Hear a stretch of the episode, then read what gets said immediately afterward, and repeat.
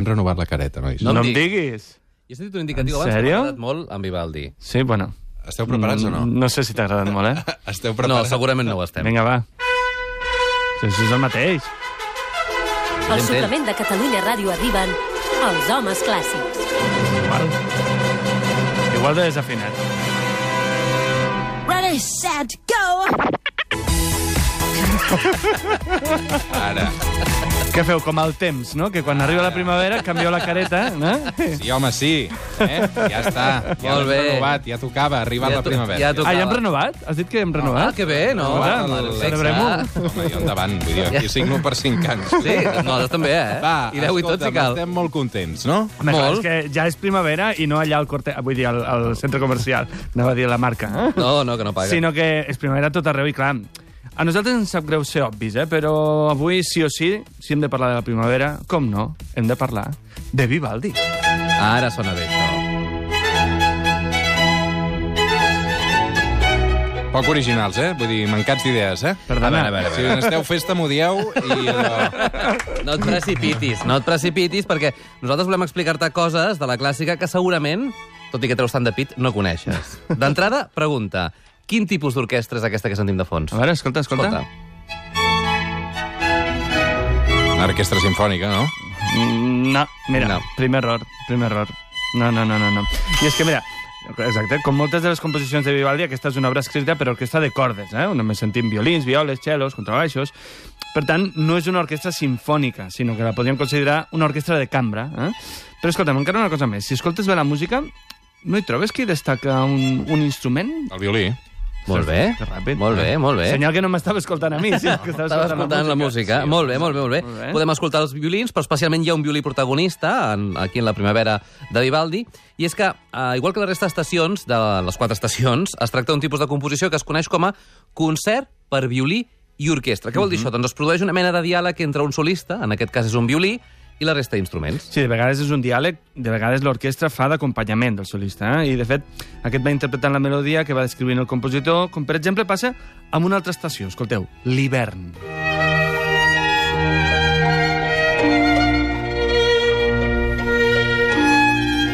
Si te fixes, l'orquestra per sota només fa uns acords, i això que se sent que fa pic, pic, pic, pic, pic, és el pizzicato que fan els violins, eh?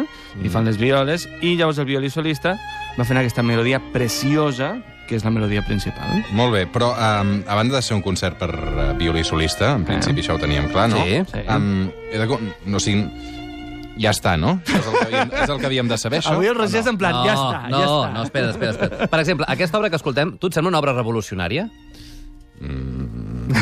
Me la revolució dels Tu t'hi veus fer una revolució amb això? Sí, hi ha hagut primaveres que han estat realment molt, molt, Molt revolucionàries, mogudes. també. Sí, sí, sí, sí. vull dir que... Doncs en aquest cas, les quatre estacions de Vivaldi va ser realment tota una revolució per la de- declaració Mm. d'intencions, eh, per fer un tipus de música que triomfaria més d'un segle més tard. Sí, perquè podríem dir que Vivaldi va ser un visionari, eh? perquè ell va concebre aquestes estacions com el que avui coneixeríem com a música programàtica o música descriptiva. Fixa't, ens trobem més o menys al període barroc, que concretament doncs, ara és l'any 1721, i només 12 anys abans, a Alemanya, eh? una cosa més freda, mm. un tal Johann Sebastian Bach componia hits com aquest.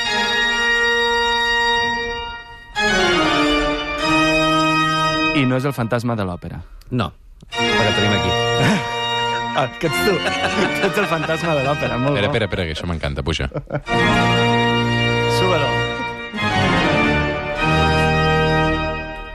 Això és la famosa tocata i fuga en re menor. Bravo! Eh? Bravo. No ho tenia apuntat ni res. Vull dir que... Correctíssim, has fet un Noguer ara, no? Sí. de Johann Sebastian Bach, un compositor que va admirar molt a Vivaldi i això va fer que, evidentment, l'acabés estudiant molt. De fet, quan es va redescobrir Bach 100 anys després de la seva mort, es va redescobrir també la música de Vivaldi precisament gràcies a escrits trobats de Bach on deia haver estudiat les composicions del Prete Rosso, com per exemple aquesta.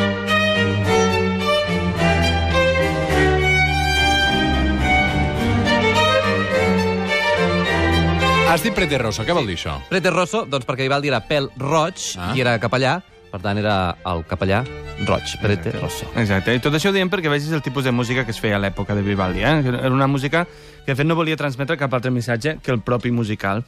Doncs clar, tornant a les estacions, Vivaldi les va escriure acompanyades d'uns poemes, probablement escrits per ell mateix, que descrivien el que volia representar cadascuna de les estacions. I per això és un dels primers exemples del que es coneix com a música programàtica o música amb elements descriptius i narratius. Per exemple, l'hivern el descriu amb tons foscos i fins i tot tètrics. De fet, si et sembla, escoltarem al principi de l'hivern, que malgrat seguir la fórmula del concert de tres moviments, allò de ràpid, lent, ràpid, té un inici que realment és inquietant.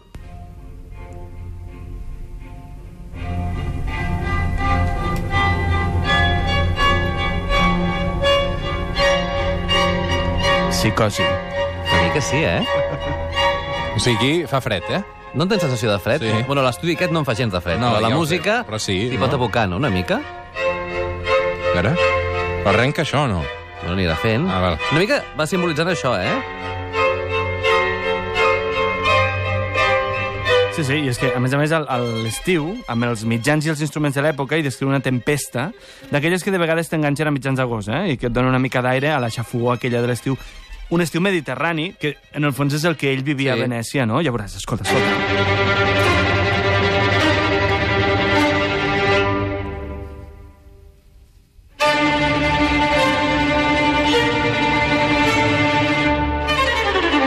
Supertempesta. És, que podem dir, és a dir, resumint, la música de les quatre estacions ens explica coses, situacions, en aquest cas de les estacions meteorològiques, a través de la música. Com l'aconsegueix, aquest efecte? Aquest efecte de, de la tempesta Sí. sí. el fa amb una cosa que es diu trèmolo. Però, Trèmolo. Sí, però mira, fem una cosa, perquè és que jo sempre em poso al piano i un, i un trèmolo al piano no, no el puc fer, perquè jo no sóc un expert amb, amb el violí. Mm. I mira, li he demanat a la primera violinista, la concertino de l'Orquestra Sinfònica Victòria dels Àngels, la Laia Pujolassos, que ens acompanya avui per explicar-nos aquestes qüestions més tècniques del violí. Laia Pujolassos, benvinguda al suplement. Bon dia. Com estàs? Molt bé, A veure, vens acompanyada del teu violí. Bé eh? armada. Amb, això ha de ser molt difícil de fer, o no? Els trèmolos? Sí. Bueno, no... Tot és relatiu. Però una violinista experta com ella, no. Clar. No, no és, me- no és el més difícil, però sempre s'han de vigilar Clar. els detalls. A veure, farem una classe magistral, no? Mestre Pardo? Sí, sí, eh, li volíem preguntar a la Laia això, el, el, o sigui, sabeu que el violí és un instrument de corda fregada que necessita l'arc i llavors el tremolo més aviat és moure ràpid l'arc amb una corda, no? Exacte, com, com això, farem? és, això és el que fem. Si ho voleu, ho faig a la pràctica. A veure, sí, és a veure si ho entenem. Anem a la pràctica? Vinga. Sí.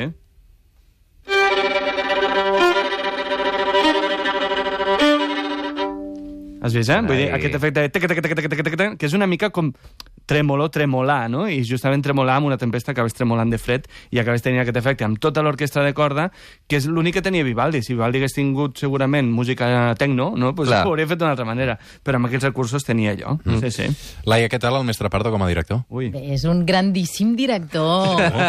Segur, segur, segur, no, però de tenir, de tenir mala bava, no? No, té el seu caràcter, però això és molt important, si no els músics... Sí, perquè la Laia no té de caràcter. No, exacte. Ah, sí? També, Exacte. Tens molt caràcter també, Laia, què? Va, jo només sóc una violinista. El que mana de debò és el director. És molt important la figura de la Laia perquè el concertino... El Pedro, podríem dir que és... No, El, el, el, perdó, Pedro, o sigui, ja sé que és una pregunta molt bàsica, eh, però expliqueu que és un concertino. el Pedro com a director fa d'entrenador, diguéssim, és l'entrenador de l'equip, que és l'orquestra. I el concertino podríem dir que és el capità de l'equip. Llavors ella s'ha de preocupar pels seus músics, que el Pedro no s'accedeixi a hores d'assajos... Però, que... per exemple, tots, tota l'orquestra depèn també de tu? Tu ets la capitana de tota l'orquestra o només de les cordes, per exemple? No, De les cordes, sobretot, però tota l'orquestra sí que té com a referència sempre la figura del primer violí, en aquest cas de la concertino. I després ja, hi ha d'haver una connexió molt directa amb el director, sobretot pel tema de, de, de com interpretar les obres, perquè moltes vegades... Eh, Perquè tu la mires, partitura- tu durant, quan dirigeixes, Sí. la mires més amb ella que tota la resta? Mm, En general, bueno, si ella té una entrada especial amb ella, però també el primer cello, que també és molt important, primer flauta, si la flauta té un, un, un moment també important. De fet,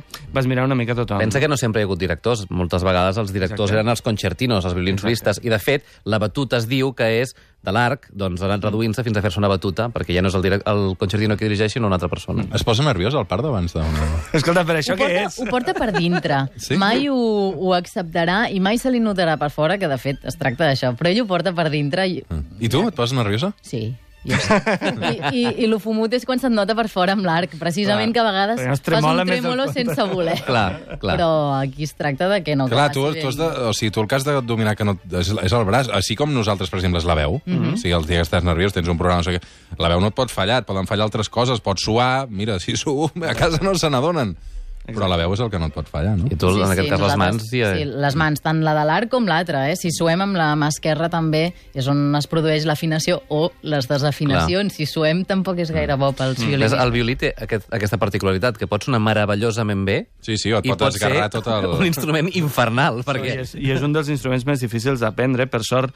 Tu saps que els meus fills toquen el violí. Tu saps qui va ser la primera professora de violí dels meus sí? fills? La Laia. No? Pues clar, per això toca també. També t'ho dic, jo si puc triar el meu veí, jo prefereixo que no sigui una concertino, eh? Vull dir, no, perquè clar, ja... te- ja No, hi ha instruments molt pitjors, de debò. Trompet. Que no toqui tinc- una trompeta, Jo tinc un trompetista exacte. de veí. Jo, sí. Un trombó.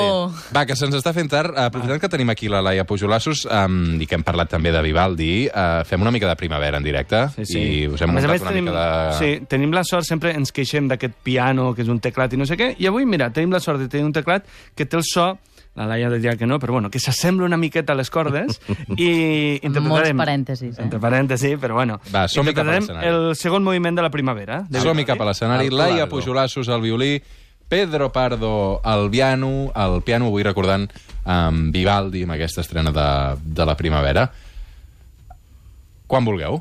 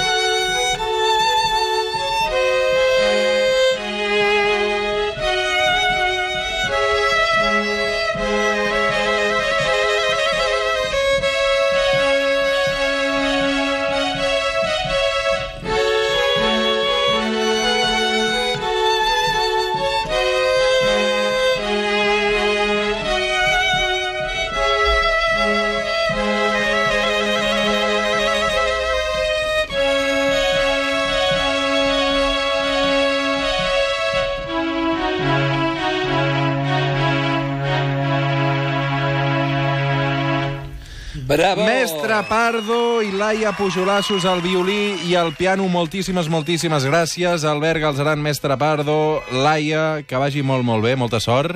Res, gràcies. Demà us retrobem a Catalunya Música a les 10. A les 10 de la nit, com sempre, a Catalunya Música. Fantàstic. Fem una petitíssima pausa i tornem. Fins ara.